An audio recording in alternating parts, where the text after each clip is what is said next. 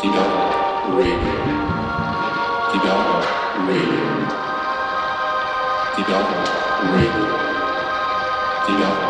Radio. tere kuulama Tasku Vikerkaart, mina olen Aro Velmet ja täna on meil külas äh, Sven Mikser, keda kuulajad ilmselt teavad äh, rohkem poliitikuna, aga septembrikuu Vikerkaares on ta avaldanud novelli äh, pealkirjaga Uinuv hiiglane ja sellest ja Sveni kirjanduslikust teekonnast peamiselt täna räägimegi. tere, Sven. tere no inimesed teavad sind peamiselt poliitikuna, noore keskerakondlasena, hiljem sotsiaaldemokraadina äh,, Europarlamendi saadikuna äh,. kuidas sa äh, ilukirjandusega kokku puutuma äh, hakkasid, kust see huvi tuli? ma olen tegelikult äh, ülikooli diplomi poolest äh, lingvist, et ma olen lõpetanud Tartu Ülikooli inglise keele ja kirjanduse, nii et minu kokkupuude Äh, kirjanduse ja keelega on äh,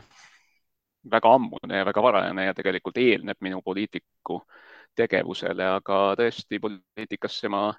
sattusin võrdlemisi noore inimesena parlamenti juba suisa Eesti parlamenti, siis Riigikogusse suisa eelmisel sajandil, nii et, et vahetult enne nüüd äh, tuleva kevade Europarlamendi valimisi mul saab tegelikult täis kakskümmend viis aastat, veerand sajandit valitud äh, poliitilistes ametites. et äh, inimese elu ei ole lõputult pikk, et kui, et kui tahta elus midagi muud teha, siis, siis võib-olla on see aeg, et on ju päris palju räägitud, et et võib-olla tuleks piirata poliitikas äh, valitavatel ametikohtadel teenimise selle aega mingisuguse paari-kolme perioodiga, et mina olen nüüd jäänud palju kauemaks, et äh, jah, kuidagi siis äh, ilmselt pandeemia aeg ka mõjutas, et, et siis oli sellist jõudu ja aega rohkem käes ja, ja võimalust mõelda, et, et mida siis veel võiks teha elus, kui, kui äh, poliitika eh, peaks nii-öelda ennast, ennast ammendama, kui mina, mina peaks ennast poliitika jaoks ammendama või poliitika minu jaoks. Ja noh, eks siis tuleb nendest vähestest annetest, mida inimesele on antud, tuleb, tuleb leida see, millega, millega võib-olla pääseb siis nii-öelda nagu Äh, kuhugi tähelepanu fookusesse. et eks see romaanivõistlusel osalemine selles mõttes on, on vahva asi, et seal minu teada ju need äh, käsikirjad, mis äramärkimist ei, ei äh, leia, ka nii-öelda autorite mõttes avalikuks ei saa. Et ähm, noh, mulle ka poliitikas inimesed ju kirjutavad ja, või, või panevad kokku päris palju raamatuid, mida siis kuskil kampaanias jagada ja ja millega siis pääseda niimoodi äh, võib-olla raamatupoodide lettidele. ja, ja noh, mullegi on öeldud, et, et oi, et sa kirjutad hästi, mõeldes siis võib-olla minu sellist publitsistlikku tegevust, äh, artikleid. et miks sa, miks sa ei kirjuta raamatut ja, aga noh, ilmselt inimeste ootus ikkagi on, et siis see peaks olema selline tüüpiline poliitiku äh, varasematest artiklitest kokku pandud mingi kogumik. et minu. mälestuste minu raamat näiteks see... on hästi populaarne no jah, olen küll olnud poliitikas kaua, aga ma arvan, et ma päris nii, nii vana võib-olla veel ei ole, et, et, et hakata nüüd äh, nii-öelda elu äh, kuidagi kokku, kokku sõlmima mälestusi, mälestusi kirjut-, heietama. et võib-olla kunagi tuleb see aeg ka, aga, aga äh, jah, ma tahtsin proovida, et, et kas minus on nagu seda, seda püsivust ja seda, seda ainest, et, et kirjutada nagu päris raamatut, kirjutada päris ilukirjandust, et see on see on ikka, ikkagi, ikkagi midagi muud kui, kui selline tüüpiline võib-olla poliitiku äh, iseendast kirjutatud raamat või, või, või siis äh, mingisugusest äh, juhuslikust äh, publitsistikast kokku pandud kogumik. No aga kas selle äh, romaani puhul siis lihtsalt äh, taustaks natukene, et, et tõepoolest sa võitsid äh, Kirjanike Liidu romaanivõistluse äh, Äh, mis on romaaniga, mida te teatavasti hinnatakse anonüümselt selles mõttes, et äh, keegi žüriist ei teadnud, et, äh, et sina just see autor oled. see ilmselt tuli küllaltki suure üllatusena paljudele inimestele. kas see oli su esimene selline suurem ilukirjanduslik tekst või oled sa varem sahtlisse midagi kirjutanud või mingis väiksemas seltskonnas jaganud? no ma olen kirjutanud sellist võib-olla mingit vestelist teksti ja olen kirjutanud äh, mingiteks väiksemateks sündmusteks äh, noh, isegi, isegi selliseid näid, näidendikatsetusi ja aga, aga midagi, mida oleks nii-öelda nagu laia avalikkusega jaganud või, või avaldanud, seda, seda tõesti ei ole varem teinud. et noh,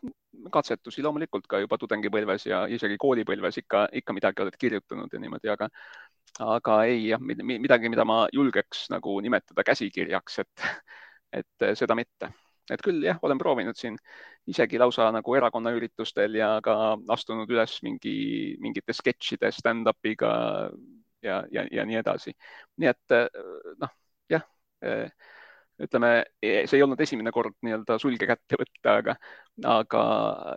avaldanud või, või, või sellist nii-öelda ka, ka sahtlisse kirjutanud avaldamisküpset käsikirja, et seda, seda, seda ei ole varem tõesti valminud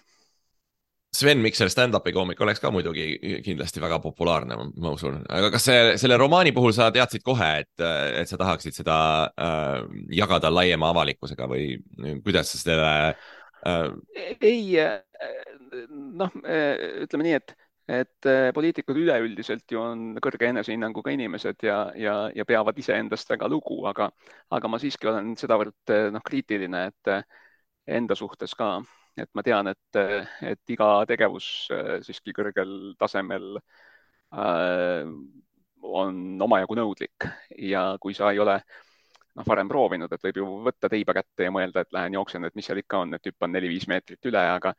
aga noh, tegelikkuses ikkagi inimesed ju teevad seda selleks, selleks ettevalmistusi päris pool elu ja, ja, ja, ja siis ka igaüks ei saa medalit. et, et ei, ma ei, ma ei olnud üleüldse kindel, et, et see just niimoodi läheb, et, et see oli kindlasti meeldiv üllatus, et, et žürii seda hindas ja noh, lõppude lõpuks, eks see äh, žürii hindamine on ka nüüd üks asi ja,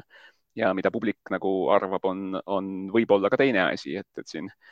äh, Eurovisioonil ka žürii andis Rootsi laulule palju punkte ja publik hoopis plaksutas Soome laulule. et seda tuleb ka ette ja, ja, noh, kindlasti Äh, noh, ühest küljest on väga selline kõditav teadmine, et, et loeti anonüümselt ja, ja leiti kõige parem olevat ja siis tehti ümbrik lahti ja oldi üllatunud, et ohoo, et, et inimene on teiselt elualalt äh, juba tuntud. Et äh, eks saab olema omajagu huvitav vaadata, et kuidas siis, kuidas siis see laiemat publikut häirib või ei häiri, et, et võib-olla noh, autorilt oodatakse midagi ja, ja noh, ilukirjandus on on ju tegelikult midagi muud no me oleme selle palava pudru ümber siin juba mõnda aega natukene kõmpinud, et tutvusta paari sõnaga seda romaani, et millest ta räägib. No ega ma nüüd noh, ette et ei taha nagu ümber jutustama hakata, et tegemist on sellise, ütleme eesti keeles vist öeldakse kujunemisromaaniga, et noor inimene satub võib-olla mõnevõrra ootamatult sellisesse enda jaoks tavatusse keskkonda, võõraste inimeste sekka. Tal on, tal on üleelamisi, on oma perekonnas selliseid probleeme, millega ta võib-olla ei oska toime tulla ja, ja siis ta seal nii-öelda otsib ennast ja ta on, on, on tegemist sellise andeka noore inimesega, kellel on teatud unistused ja noh, ta, ma arvan, žanriliselt, et jah, selline kujunemisromaan Äh, ka armastusromaan, äh, on põikeid äh, ajalukku, kunstiajalukku. et ähm, võtsin endale sellise teadliku riski kirjutada esimeses isikus ja, ja olevikus, mis on mõlemad üldiselt noh, vastu kõiki selliseid paremaid soovitusi, et ma enne või noh, kirjutamise käigus ma tegelikult äh, päris palju proovisin ka tudeerida sellist äh, äh, ilukirjanduse alast äh, noh, kuidas öelda, teoreetilist materjali, et veebist on võrdlemisi, võrdlemisi palju kättesaadavat just inglisekeelseid selliseid tutorial'e, et äh, küll Äh, kuidas üleüldse sellist äh, ilukirjanduslikku narratiivi komponeerida ja kuidas, äh, kuidas kirjutada dialoogi, millele tähelepanu pöörata, kuidas nii-öelda tempovahetusi ja, ja, ja kõike, kõike sellist nii-öelda teha. Ja, ja, ja see oli väga huvitav ise, iseenesest just nii-öelda ka teoreetilisest vaatepunktist, et, et aitas hästi palju. Ja noh, teisest küljest jah, et võtsin, võtsin ka mõningaid, mõningaid riske, et esimeses isikus kirjutamine on noh, omajagu selline intiimne ja, ja, ja võib-olla jah, võimaldab sellist, sellist psühholoogilist lähivaadet, teisest küljest on ta üsna, üsna äh, nõudlik äh, just ses mõttes, et ei võimalda väga vabalt liikuda ajas ja ruumis ja, ja, ja võib-olla seob nagu väga, äh, väga ära, et sellise noh, väga kitsa personaalse vaatenurgaga siis selle nii-öelda peategelase või minategelase omaga. nii et, et, et see oli omajagu, omajagu keeruline ja noh, võib-olla isegi mõnes mõttes selline natukene, natukene selline matemaatikaülesande moodi. Aga, aga jah, ma arvan, et ma leidsin selle nurga, kuidas, kuidas nendest äh, nii-öelda probleemidest jagu saada, et, et äh, jah, ütleme nii, et, et kirjutada oli ka selles mõttes hästi põnev, et et ta või on, on põnev, et ta on tegelikult noh, nii-öelda loominguline, aga ta ei ole lihtsalt selline äh, dadaistlik loo jutustamine, et ta on ikkagi, ta on ikkagi üsna nõudlik ka sellise komponeerimisülesandena. ikkagi struktureeritud tegevus. sa ütlesid, et äh, sa kirjutasid mina vormis ja olevikus, kas see äh, tähendab, et sa kirjutasid grammatilises olevikus või see tähendab ka seda, et see lugu leiab aset aastal siis kaks tuhat kakskümmend, mis iganes? ei, ei. ta on ikkagi, ta on ajasturomaan. leiab aset, ta on üsna täpselt dateeritav ja ta on ajasturomaan, ta leiab aset tegelikult jah, circa, circa siin kolmekümne aasta eest, et. Äh, ülemineku ajal. võrdlemisi, ütleme, et ta ei ole selline ülemineku ajal, aga no ütleme nii, et, et mul tegelikult üks selliseid ideid äh, oli, oli kirjutada just, just ähm, sellest ma, mulle, mulle kunagi jäi, jäi kõrva ühe Eesti tuntud äh, Äh, poliitiku ja mõtleja tõdemus, et, et, et tema arvab küll, et, et ükski Eesti inimene ei saanud päriselt õnnelik olla mm, elades okupatsiooni all ja mul, hakkas, ma hakkasin mõtlema, et, et kuivõrd siis nüüd äh, inimeste isiklikku õnne äh, mõjutab ja sellest üle sõidab see mm, laiem ühiskondlik poliitiline kontekst. ja, ja ma proovisin panna selle, selle loo sellise noh, väga turbulentse mingisuguse lühikese ajaperioodi taustale. Ja, ja huvitaval kombel tegelikult kirjutades see, see ühiskondlik poliitiline taust peaaegu et kadus ära. ta muutus peaaegu nähtamatuks, ta on, ta on, ta on seal selgelt olemas, ma arvan, hästi palju, väga-väga mitu momenti on lausa nii-öelda kuupäevaliselt tegelikult fikseeritavad, tuletatavad, aga aga sellel ei ole teisest küljest peaaegu et mingi, mitte mingisugust äh, tähtsust selle loo seisukohalt. et noh, loomulikult ütleme, äh, ei ole jah, sellist sotsiaalmeediat ja, ja, ja äh, mobiilseid nutiseadmeid ja et, et, et, et, selles mõttes ta nüüd jah, on, on mõnevõrra selline, selline rahulikum ja, ja, ja ütleme sellise suhtluskonteksti mõttes nagu teistsuguses ajas, kui, kui, kui see nii-öelda tänane, tänane päev. oli sul mingeid äh, stilistilisi eeskujusid ka või autoreid äh,, äh kellelt sa inspiratsiooni said või kelle puhul sa mõtlesid, et, äh, et vot nemad on selle asjaga küll väga hästi hakkama saanud? Äh, mul otseselt kirjutades ei olnud stilistilisi eeskujusid, et noh, mida võib-olla mis on selline noorusaja äh, äh, lemmikuid ja, ja mis mõnes mõttes noh, võib-olla väga suures plaanis natukene mõjutab, on, on võib-olla Salinger, et kellel noh, ütleme see, see äh, noh, ilmselt väga paljud on lugenud tema Kuristik rukkis ja, ja võib-olla paljud ei tea, et, et, et tegemist on no mitte päris sellise one-hit wonder'iga, aga siiski kirjanikuga, kelle, kelle loomepärand on ju võrdlemisi, võrdlemisi väike, et ainult üksikud sellised lühijutustused ja, ja novellid, mida ta on kirjutanud. samas noh, väga-väga ju äh, suure, suure mõjuga kirjanik. ja, ja temal ikkagi väga-väga paljus ei olnud ju äh, pearõhk mitte mingisugusel väga haaraval, põneval sündmustikul, et, et vaid, vaid, vaid just sellisel, sellisel äh, kuidas öelda, tegevuse voolavusel, et, et ja, ja, ja võib-olla ka just nimelt sellel kirjanduslikul stiilil, et, et ma, ma ka arvan, et, et võib-olla Eesti äh, meie, meie oma sellise kirjanduse õpetamise traditsioonist tulenevalt meil on nagu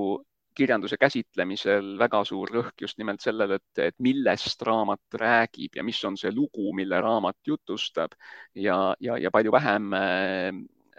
sellel, kuidas ta on kirjutatud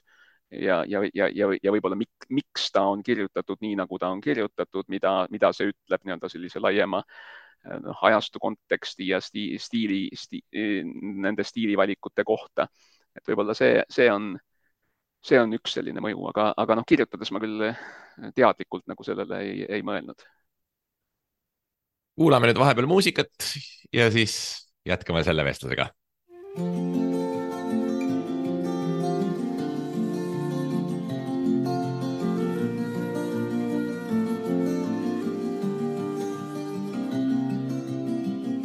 C'est une maison grise entre un arbre et un abreuvoir. Une région de France où la pluie fait bien son devoir. C'est une terre boueuse où passent les machines agricoles. Une vallée silencieuse où les lapins vont à l'école. Là où je t'aime. Le ciel n'a pas la même couleur. Là où je t'aime. Tu peux toujours cueillir des fleurs là où je t'aime. Le roi est un valet de cœur.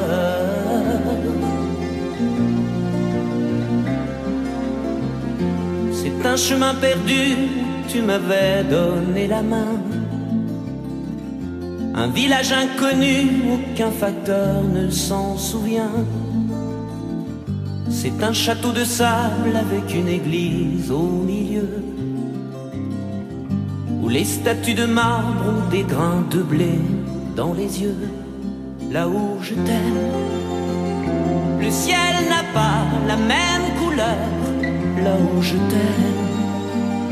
Tu peux toujours cueillir des fleurs, là où je t'aime. Le roi est un valet de cœur.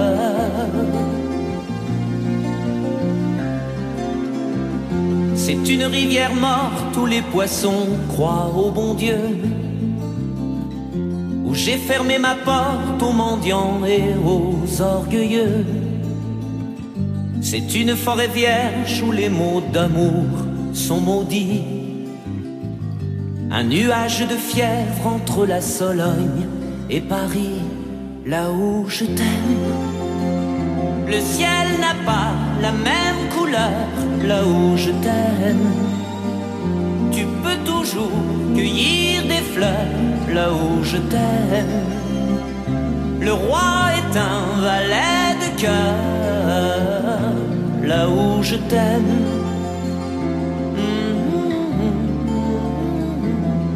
Là où je t'aime. Là où je t'aime.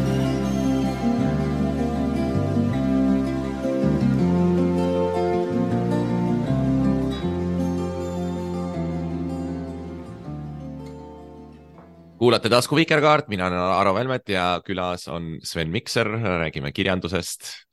Äh, sa, kui see romaan nüüd äh, ühel hetkel avaldatakse, siis sa astud sellisele äh, väikesele, aga plahvatuslikule miniväljale nagu Eesti kirjandus.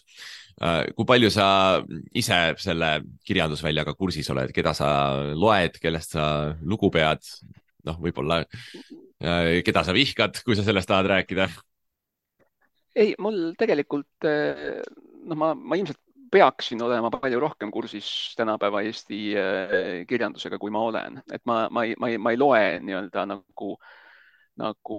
nõrkemisi, nii et ma kõik oma lennureisid, noh, ütleme nii, et tegelikult viimased, viimased paar aastat ma pigemini lennureiside ajal olen kirjutanud kui lugenud, aga, aga et ma jah, ei ole, ei, ei, ei tarbi nii-öelda massiliselt uudiskirjandust, et äh, see see kindlasti ei ole nii-öelda enda suhtes kompliment, aga, aga, aga nii see on. ja ma pean ütlema, et, et ma tegelikult loen ilmselt äh, isegi rohkem luulet kui proosat. et ma olen jah, selline võrdlemisi, võrdlemisi palju tarbin, tarbin, tarbin luulet ja, ja, ja mitte nii palju võib-olla jah, sellist ilukirjandust. et äh,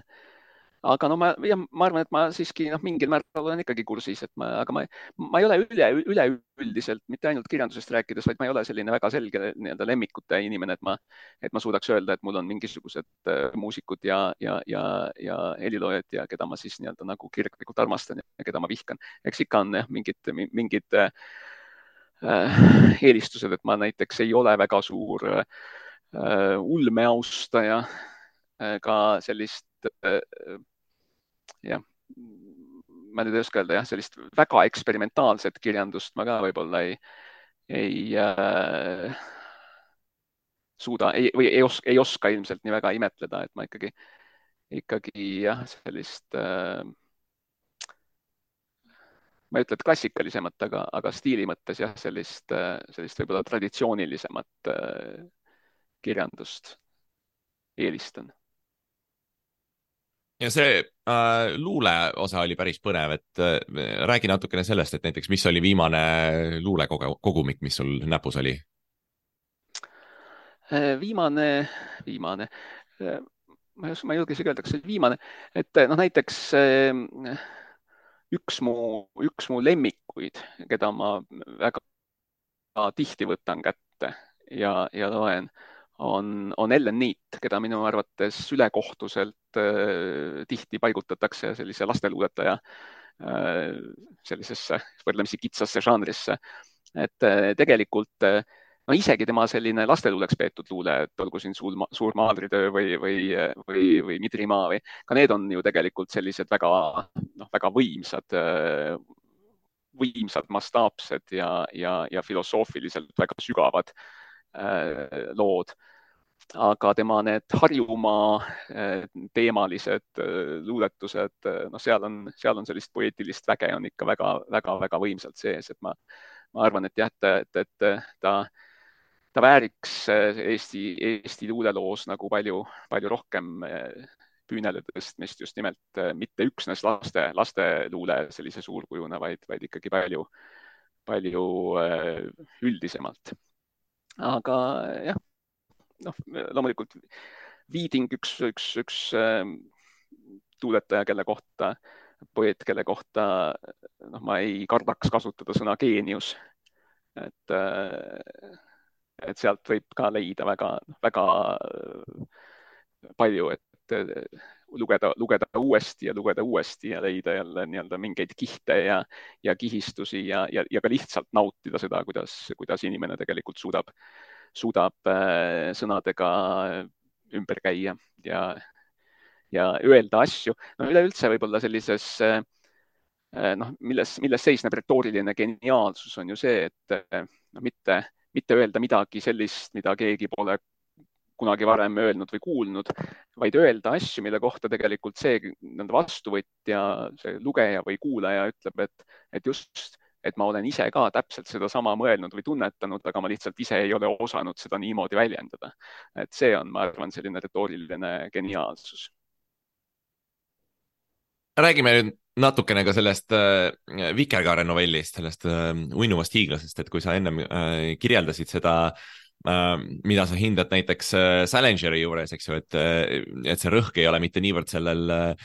loo süžeel, vaid sellel tunnetusel ja, ja, ja tegelase siseelul, siis see minu meelest peegeldub ka sinu novellis päris hästi, et, et, et seal iseenesest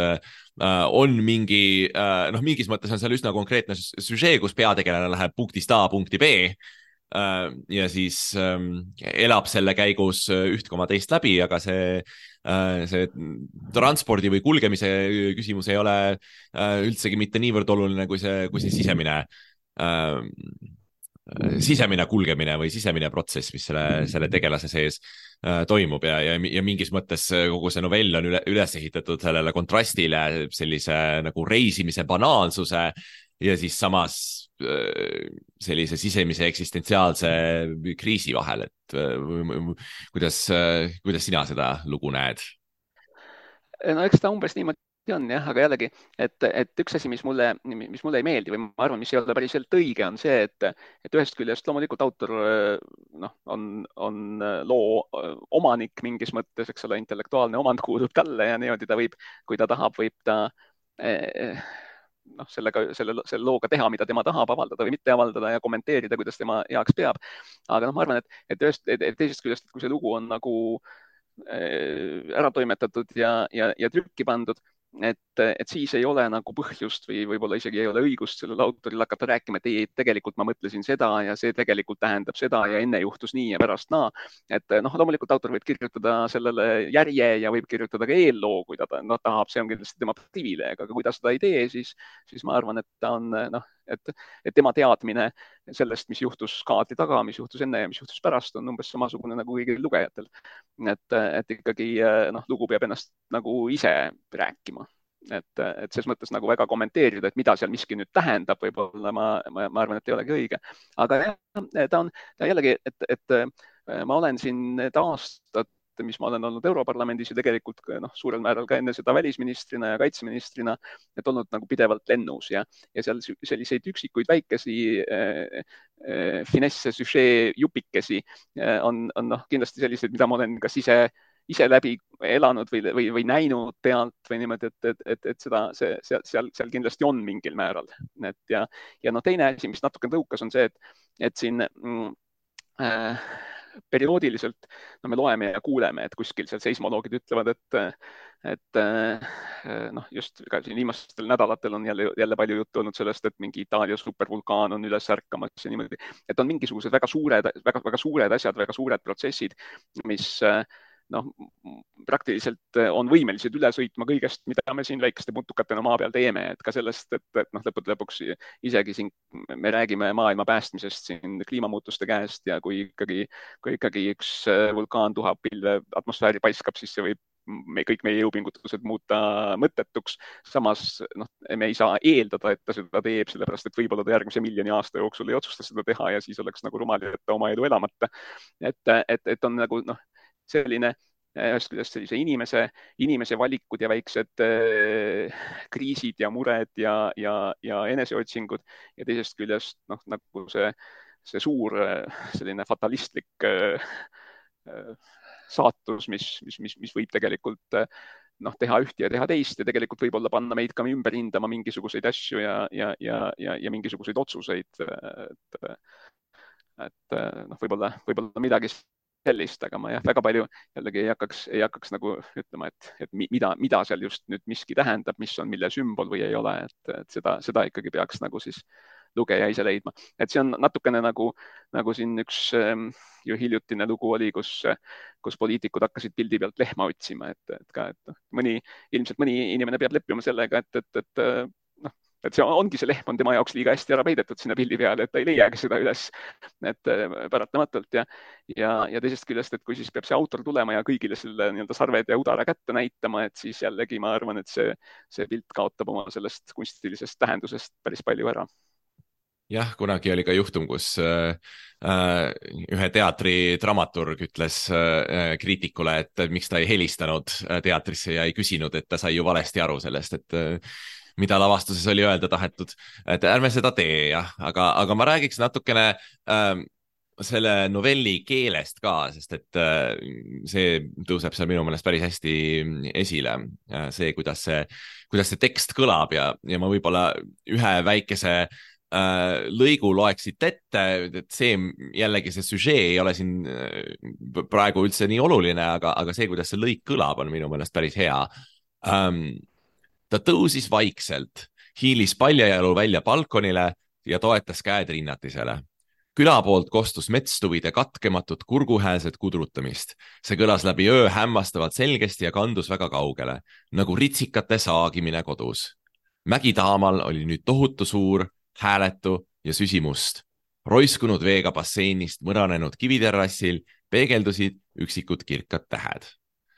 et selline nagu kaunis olustikukirjeldus, siin on äh, sellist head äh, alliteratsiooni, eks ju, katkematud kurguhääsed kudrutamised ja äh, selliseid huvitavaid leide, ritsikate saagimine ja nii, ja nii edasi. et äh, on näha küll, et, et luulehuviline, eks ju, et poeetika on selles tekstis täitsa äh, olemas, et, et räägi, kuidas sa sellest äh, keelekasutusest mõtled äh, kirjutamisel no ega ma väga ei mõtle, et pigemini noh, ma, ma, ma muidugi, kui ma kirjutan, ma ikkagi lugeda ja, ja toimetada ja, ja redigeerida päris palju seda teksti, mida ma, mida ma kirjutan. et ma ei kirjuta nii, et ma noh, nii-öelda kirjutan valmis ja siis, siis, siis, siis on. aga jah, ma noh, ilmselt äh, seda on mulle öeldud, et, et jah, ütleme võib-olla nii-öelda poliitikuna oma esinemistes, oma artiklites, et võib-olla kasutan liiga, liiga keerulisi konstruktsioone ja liiga palju võõrsõnu. aga, aga noh, ma arvan, et, et mul on võrdlemisi äh, suur äh, avar sõnavara, et mul ütleme, see, see ei ole väga suur pingutus, et nüüd leida sobivaid sünonüüme ja et pigemini jah, tuleb nagu vaadata, et, et nendega ka mitte liiale minna, et see oht on ka kindlasti olemas, et minna sellise stilistilise ilutsemise teed, et, et aga noh, ma arvan, et jällegi selles, selles konkreetses novellis võib-olla on jah, sellist poeetikat tekstis võib-olla natuke rohkem, et, et selliseid olukirjeldusi on ka, on ka selles romaanis päris palju. aga, aga, aga jah, võib-olla sellist, sellist alliteratiivset, sellist poeetikat on, on nagu mõnevõrra vähem kuulame vahepeal jälle muusikat.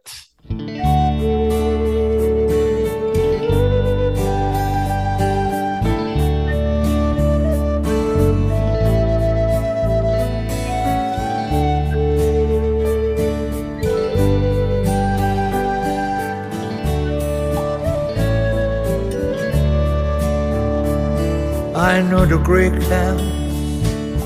over me will one day roll on by. And I know the sun will shine again on this crazy heart of mine.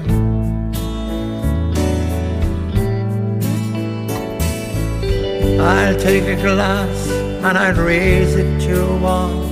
that's setting down.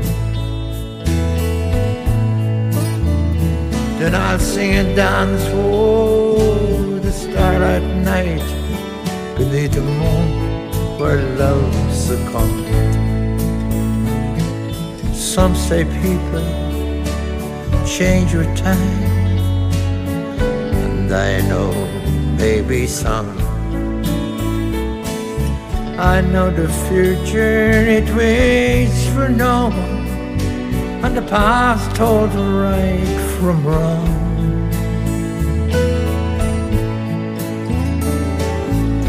I'll take a glass and I'll raise it to wall that's setting down. Then I'll sing and dance to starlight night beneath the moon where love succumbed. Moonlight, roses, I remember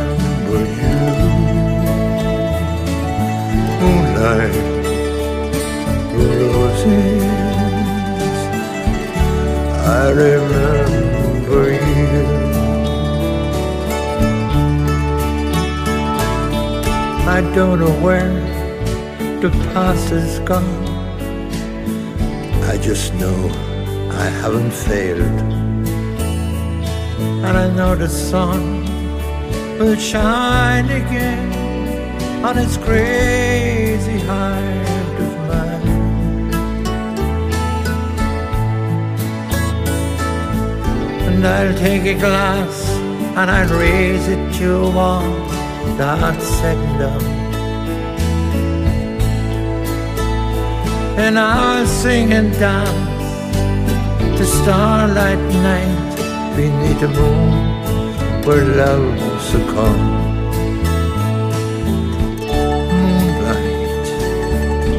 roses. I remember you. Moonlight, roses. I remember you. Moonlight, roses. I remember you. Moonlight. Roses. I remember you.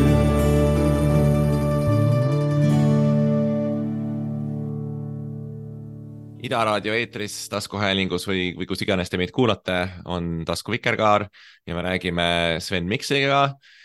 Siiamaani oleme rääkinud kirjandusest, aga ei saa jätta kasutamata võimalust, et äh, rääkida ka hetkel veel sinu põhitegevusest ehk siis äh, poliitikast.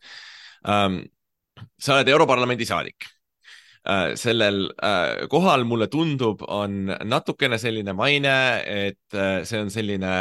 ähm, poliitikute eest ärasaatmise koht. Et äh, sinna mõnikord saadetakse äh, endisi parteijuhte äh, nagu sinagi nii-öelda äh, kaunile väljateenitud pensionile, mõnikord võib-olla mõni, mõne poliitiku, kes on koduses poliitikas natukene liiga ebamugav ähm,. siin nüüd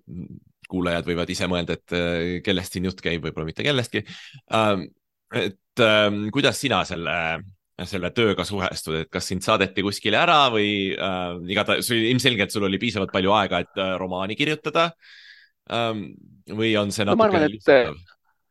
Eks, eks selle ajaga on ju nii, et noh, kellel on aega poliitika kõrvalt äh, valmistuda triatloniks ja kellel on aega poliitika kõrvalt äh, noh, teha mida, mängida seriaalis ja nii edasi. et, et või käia jõusaalis, et miks see, miks see raamatu kirjutamine peaks olema kuidagi nagu ekstra vastunäidustatud, et ma arvan, et, et noh,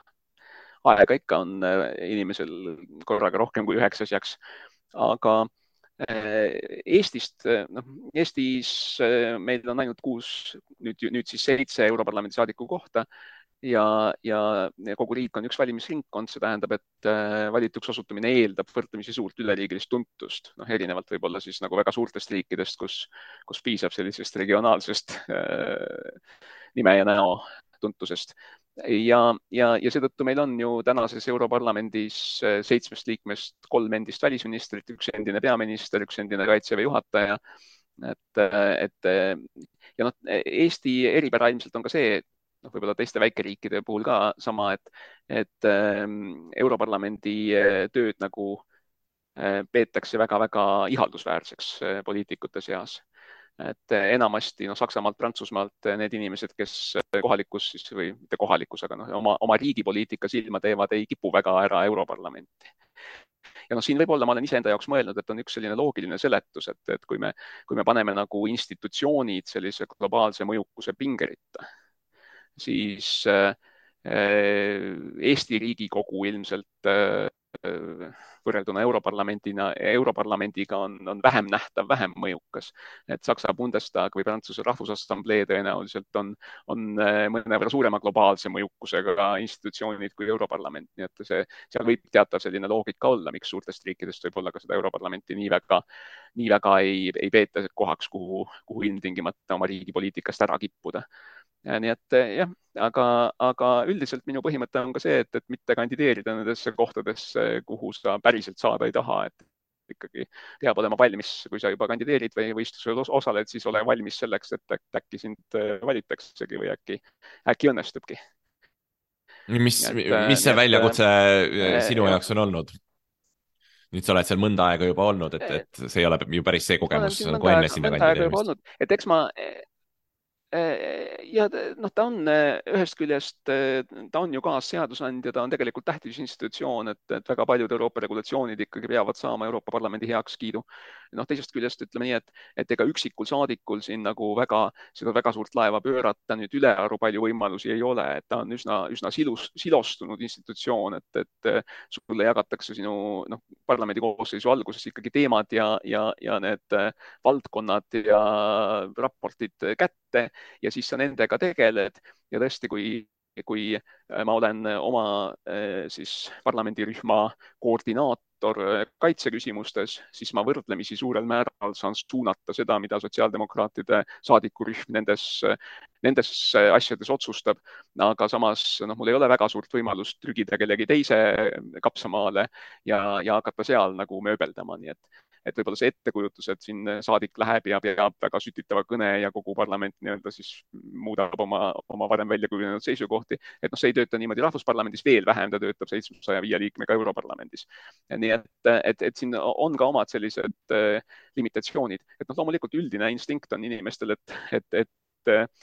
see koht, kus sa parajasti istud, on maailma kõige tähtsam, et, et noh, tuleb hakata nagu, nagu rääkima teda üles ka siis, kui sa teda, teda kirjeldad ja, ja kiidad, et, et, et aga noh, eks eh, teatud mõttes noh, võib öelda, et, et näiteks Eesti riigis olles mõjukas parlamendiliige või veel enam valitsuse minister, et sa oled võib-olla noh, rohkem käsipidi päris otsuste tegemises sees kui Euroopa Parlamendi liikmena. ja mina olen näinud tegelikult ka, olles siis olnud välisminister ja kaitseminister, olen näinud seda, kuidas töötab Euroopa Liidu Nõukogu ehk siis see valitsustevaheline koostöövoorum äh, ja, ja, ja noh, ma ka võib-olla olen Euroopa Parlamendis selles mõttes kuulun sellesse vähemusse, et mina ei, ei hakkaks väga äh, väga innukalt eh, nõudma Euroopa Parlamendile pädevusi juurde nende teiste institutsioonide, siis komisjoni ja nõukogu arvel. sest, eh, sest ma arvan, et, et on päris head põhjused, miks teatud valdkondades on jäme ots ikkagi nõukogu käes. ja lisaks ma arvan, et, et Eesti eh, noh, väga konkreetseid rahvuslikke huve seal, kus, kus nad tõesti vajavad siis ka nii-öelda Euroopa kontekstis siis eraldi kaitsmist et, et seal on seda ikkagi lihtsam teha seal, kus me oleme ühena kahekümne seitsmest nõukogu laua taga, eh, lihtsam kui siis eh, suures seitsmesaja viie liikmelises parlamendis, kus eh, noh, ühtepidi jagunetakse siis poliitilisi perekondi, poliitilistesse perekondadesse ja teistpidi on siis nii-öelda vaja ka oma riigi huve kaitsta ja, ja, ja lisaks oled sa noh, seotud komisjoniga, milles sa töötad ja, ja ei saa väga olla näppupidi sees teiste komisjonide tegemistes kogu aeg. selles samas üheksandas Vikerkaares, kus sinu äh, novell avaldati, on ka üks selline pikem debatt, mis äh, hakkas juba suvel ja on vahepeal äh, käinud läbi Postimehe arvamuskülgedelt ja, ja teab kust veel, mille keskmes on tees et äh, Eesti poliitika nagu ka suures osas üldse lääne poliitika on, on kuskil viimase viie, kuue, seitsme aasta jooksul koondunud äh, ümber telje liberalism ja konservatism äh,. et sellised äh, kategooriad nagu äh, parempoolsus ja vasakpoolsus näiteks äh, või äh, sotsiaaldemokraatia ja, ja, ja näiteks äh, parempoolsus ei, ei kõneta enam inimesi niimoodi, nagu nad on, on seda varem äh, teinud. Ja siis äh, konservatismi all ei mõelda siin sellist nagu äh, traditsioonilist äh, ütleme, kristlikke konservatiive, nagu nad Euroopas on olnud või, või meie mõttes siis sellist nagu äh, mõõdukat äh, paremrahvuslust, vaid, vaid siis just sellist äh, paremäärmuslikku või paremradikaalset äh, telge, mida siis meil esindab EKRE, mujal siis äh, AfD või, või Prantsuse äh, äh, Rassemblement National on siis nende nimi nüüd vist praegu. Ja, ja et selle vastanduse tuules äh, kaotavad muuhulgas kõige rohkem näiteks sotsiaaldemokraadid, kelle äh,, kes siis lahterdatakse enam-vähem samasse punti äh, liberaalidega keda iseloomustavad kõige rohkem äh, igasuguste vähemuste tsiviilõiguste kaitse, aga mida nad siis majanduspoliitiliselt arvavad, seda juba enam keegi ei huvita, et, et kas see ähm,, kas see tundub sulle sellise adekvaatse diagnoosina või on see üldse mingi probleem, millega me peaksime tööd tegema? see, see on see ühest küljest on olemas, see, see, see fenomen on väga selgelt olemas. ma küll arvan, et Eesti on jälle siin mõnevõrra erandlik, et selline, selline majandusliberaalide hegemoonia poliitikas, nagu meil on siin kestnud päris pikka aega Reformierakonna vedamisel, et see on ikkagi väga ebatüüpiline, et sotsiaaldemokraatidel läheb päris hästi paljudes riikides, kus võib-olla sellist, sellist majandusliberaalide võidu, võidu, võidukäiku pole nagu olnud. aga, aga tõesti, see konservatism on väga palju muutunud, et võib-olla kui me kujutasime ette siin paar-kolmkümmend aastat tagasi, et selline tüüpiline konservatiiv on selline, noh, ma ei tea, Margaret Thatcher või Helmut Kohl või veel enam noh, niisugune äh, suure sigariga mm, nahkses tugitoolis istuv Winston Churchill. et noh, siis kui me vaatame täna ma ei tea, Kalle Grünthali, noh, see ei ole seesama asi, eks ole, ei ole, ta ei, et ja, ja üks, mis on, mis on küll jäänud, aga mis on nagu oluliselt teisenenud, on see, et ja miks, miks mina ei ole kunagi olnud konservatiiv, miks minust kunagi konservatiivi ei saa, on see, et mulle tundub, et väga tihti konservatiivid äh, kaitsevad äh, või ütlevad ennast kaitsvat traditsioone ja mida nad tegelikult traditsioonide nime all üritavad kaitsta, on mingisugused moraalselt õigustamatud privileegid. et ja mis on muutunud nüüd, on see, et, et kunagi need olid sellised noh, vähemuse, priviligeeritud vähemuse eesõigused. Äh, noh, Inglismaa kontekstis võib-olla sellised, ütleme inimesed, kes olid käinud eliitkoolides ja kuulusid elitaarsetesse klubidesse ja nemad olid nagu sellised, need, kes otsustasid äh, isekeskis kusagil suletud uste taga ühiskonna asju, sest nad teadsid paremini, nad olid selleks ette valmistatud juba varasest lapsepõlvest peale, oli neid kasvatatud selleks nii-öelda valitsevaks eliidiks et ja, ja, ja, ja see on nüüd muutunud, et mida, mida praegu nii-öelda need räme konservatiivid need kaitsevad kes on üle võtnud väga palju eh, traditsioonilisi, võib-olla vasakpoolsete valijaid, eh, on, on eh, enamuse või vähemalt sellise pluraliteedi privileegid, mis on kujuteldava rünnaku all ja, ja, ja sealt tuleb tegelikult see identiteedipoliitika, et äh, apelleeritakse just sellele, et, et jah, võib-olla sa, võib-olla sa oled vaene või, või, või võib-olla sa oled töötu, võib-olla sa oled harimatu, võib-olla sa, sul on elus siin kõik viltu läinud ja niimoodi, aga sa siiski oled äh, noh, parem kui teised, sellepärast et sinu nahavärv on selline, sinu usutunnistus on selline, sinu seksuaalne identiteet on selline, et, et, et kaitstakse nagu, nagu mingeid väljamõeldud privileege ja kaitstakse siis seda äh, Äh, see, seda, seda ühiskonnakihti, kes on harjunud olema, olema sellisel äh, hegemoonilisel positsioonil, aga kes muutunud äh, ühiskondlike suhete, töösuhete kontekstis enam ei ole nagu õigustatud seda, seda, seda lihtsalt niisama saama, seda priviligeeritud positsiooni. ja neid, neid, neid siis kaitstakse mingisuguse võukluse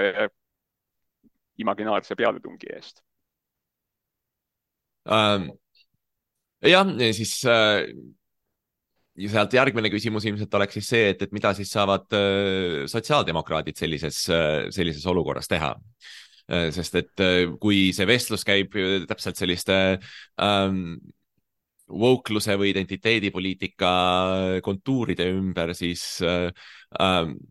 ja siis tõuseb jälle see küsimus, et noh, et mille poolest sotsiaaldemokraadid eristuvad siin tavalistest liberaalidest, et majanduspoliitika kind of kedagi ei huvita huvitab see, et kas äh, geiabielu on lubatud või, või milliseid raamatuid lubatakse koolides õpetada ähm, või mis riigist on need immigrandid pärit, kes, äh, kes sisse tulevad ja, ja nendes küsimustes on ju selline, on sotsiaaldemokraadid enam-vähem samas paadis, samamoodi näiteks ütleme Reformierakonna või Eesti kahesajaga, nagu nad ka praegu valitsuses on. ja noh, ma arvan, et eks lõpuks ju inimesi ikkagi huvitab see ka, kuidas on eh, elujärg, kuidas, eh, kuidas leib lauale tuleb, et ja, ja, ja võib-olla siis, kui, kui olud on raskemad, see hakkab nagu praktilisel moel huvitama veel rohkemgi. küsimus on selles jah, et, et võib-olla sellise võõrandumise olukorras et inimesed ei usalda enam üldse nagu poliitikat, et, et väga-väga suurel määral ju see, see nii-öelda uus äh, Äh,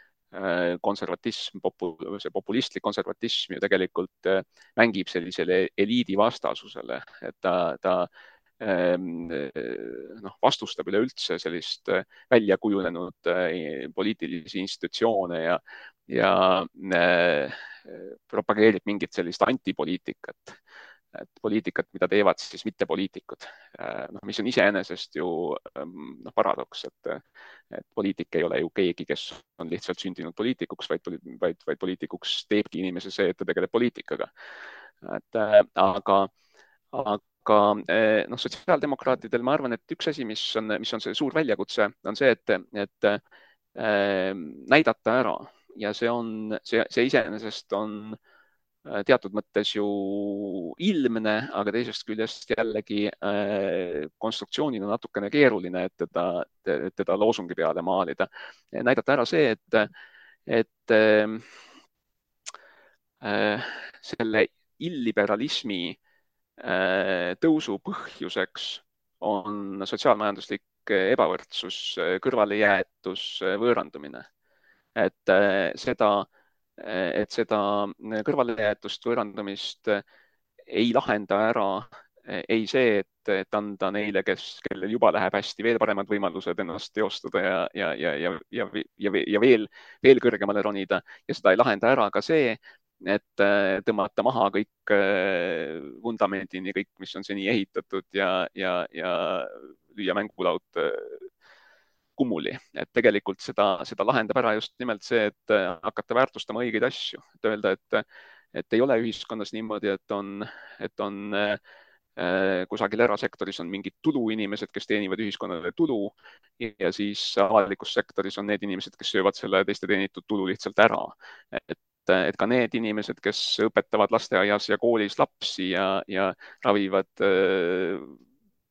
teevad haiglas vooreid ja, ja, ja, ja, ja panevad kanüüliveeni patsiendile, et ka need on inimesed, kes tegelikult tegelevad Äh, lisa, lisaväärtuse loomisega läbi selle, et nad tegelikult väärindavad seda inimvara, mis on mis tahes nagu majandusliku edu kõige olulisem sisend üldse. et ja võib-olla see on, see on, see on natuke keeruline ja võib-olla ei ole ka, ei ole ka noh, julgetud või on natuke alahinnatud ka seda, seda sõnumi tarbijat ja, ja, ja ei ole sellest nagu sellisel moel väga, väga selgelt tahetud rääkida. aga, aga noh, ma ei arva, et see oleks tehtamatu et muidu ma, muidu ma ei oleks poliitikas, ei oleks sotsiaaldemokraat, kui ma arvaks, et see on võimatu missioon. see on raske no, aga, aga, aga ma arvan, et võimalik siit, äh, siit tuleb ka see, see teine kahvel, millest on äh, ka Euroopa kontekstis päris palju räägitud, aga mis ka minu meelest Eestis on, on üsna selgelt nähtav, et äh, kui sotsiaaldemokraatide sellised traditsioonilised valijad on olnud töölisklassi liikmed ametiühingu liikmed ja nii edasi, siis äh ja, ja seda protsessi on, äh, on näidatud päris, äh, päris täpselt Prantsusmaal ja, ja mujal ka, siis viimase paarikümne aasta jooksul on sotside valija muutunud pigem selliseks kõrgharitud spetsialisti nägu olevaks ähm, inimeseks ähm,. ja noh, siit tekib kaks probleemi, üks on see, et et need on kaks valijaskonda, kelle huvid on, on mitmes mõttes äh, lahknevad, et need kõrgharidusega valijad äh, tõenäoliselt hoolivad natukene rohkem äh, näiteks gei õigustest ja ilmselt on natukene rohkem vastu maksude tõstmisele, ähm, kuivõrd nende sissetulekud on, on suuremad. Ja samas sotsiaaldemokraadid ja samas ainult nendega valimisi ei võida, eks ju neid äh, kõrgharitud vasakpoolsete vaadetega inimesi äh, ei ole nüüd nii palju ja neil, neil on teisi äh,, teisi pakkujaid on ka turul äh,, kelle vahel valida. No eks siin üleüldse kindlasti on, on, on ju töösuhted on muutunud, äh, on äh, noh, need, kuidas öelda, kvalifikatsiooninõuded inimestele, kes tahavad tegelikult teha karjääri ja ja, ja, ja liikuda äh, siis äh, selles ahelas ülespoole, et need on, need on muutunud, et, äh, et võib-olla jah, selline saja aasta tagune arusaam sellest, mis on selline leiborism ja sotsiaaldemokraatia, et see, see ei tulegi päriselt tagasi. aga noh, küsimus on, et, et mingi osa inimesi kindlasti jääb tegema ka seda manuaalset tööd ja ka nende huve, huve on vaja kaitsta. aga, aga noh, ma ei arvagi, et, et võib-olla, et see peaks väljenduma selles, et et äh, kuidagi nii-öelda võim, võtta, võtta võim nende kätte, et, et äh, lihtsalt äh, ma arvan, et see sotsiaaldemokraatlik kreedo on arusaam sellest, et, et üleüldiselt äh, on meil kõigil parem ja isegi odavam äh, oma riiki pidada, äh, kui meil neid, kellel läheb liiga halvasti, on, on, on vähem. et kõik see, mis jääb tegemata, ütleme haridust andes ja, ja, ja inimestele võimalusi luues. et see tähendab, et, et mingi osa ühiskonnast on, on vähem haritud, on eh, vähem tervislike eluviisidega Äh, nad on tõenäoliselt haigemad, kriminogeensemad, äh, nad, nad lähevad tegelikult ühiskonnale kokkuvõttes kallimaks maksma. Äh, kui siis, kui me, kui me tegelikult seda ressurssi jagame mõnevõrra, mis meil jagada on, jagame mõnevõrra nagu solidaarsemalt ja, ja, ja aitame need inimesed noh, võib-olla järgmisele trepiastmele, võib-olla mitte päris üles välja, me ei suuda neid tirida, aga me aitame nad järgmisele või ülejärgmisele trepiastmele ja ja, ja see tähendab tegelikult, et terve, et ühiskond on tervikuna õnnelikum, äh, ta on vähem aldis radikaliseeruma meil kõigil on tegelikult turvalisem, ka nendel, kes on edukamad, kes on jõukamad,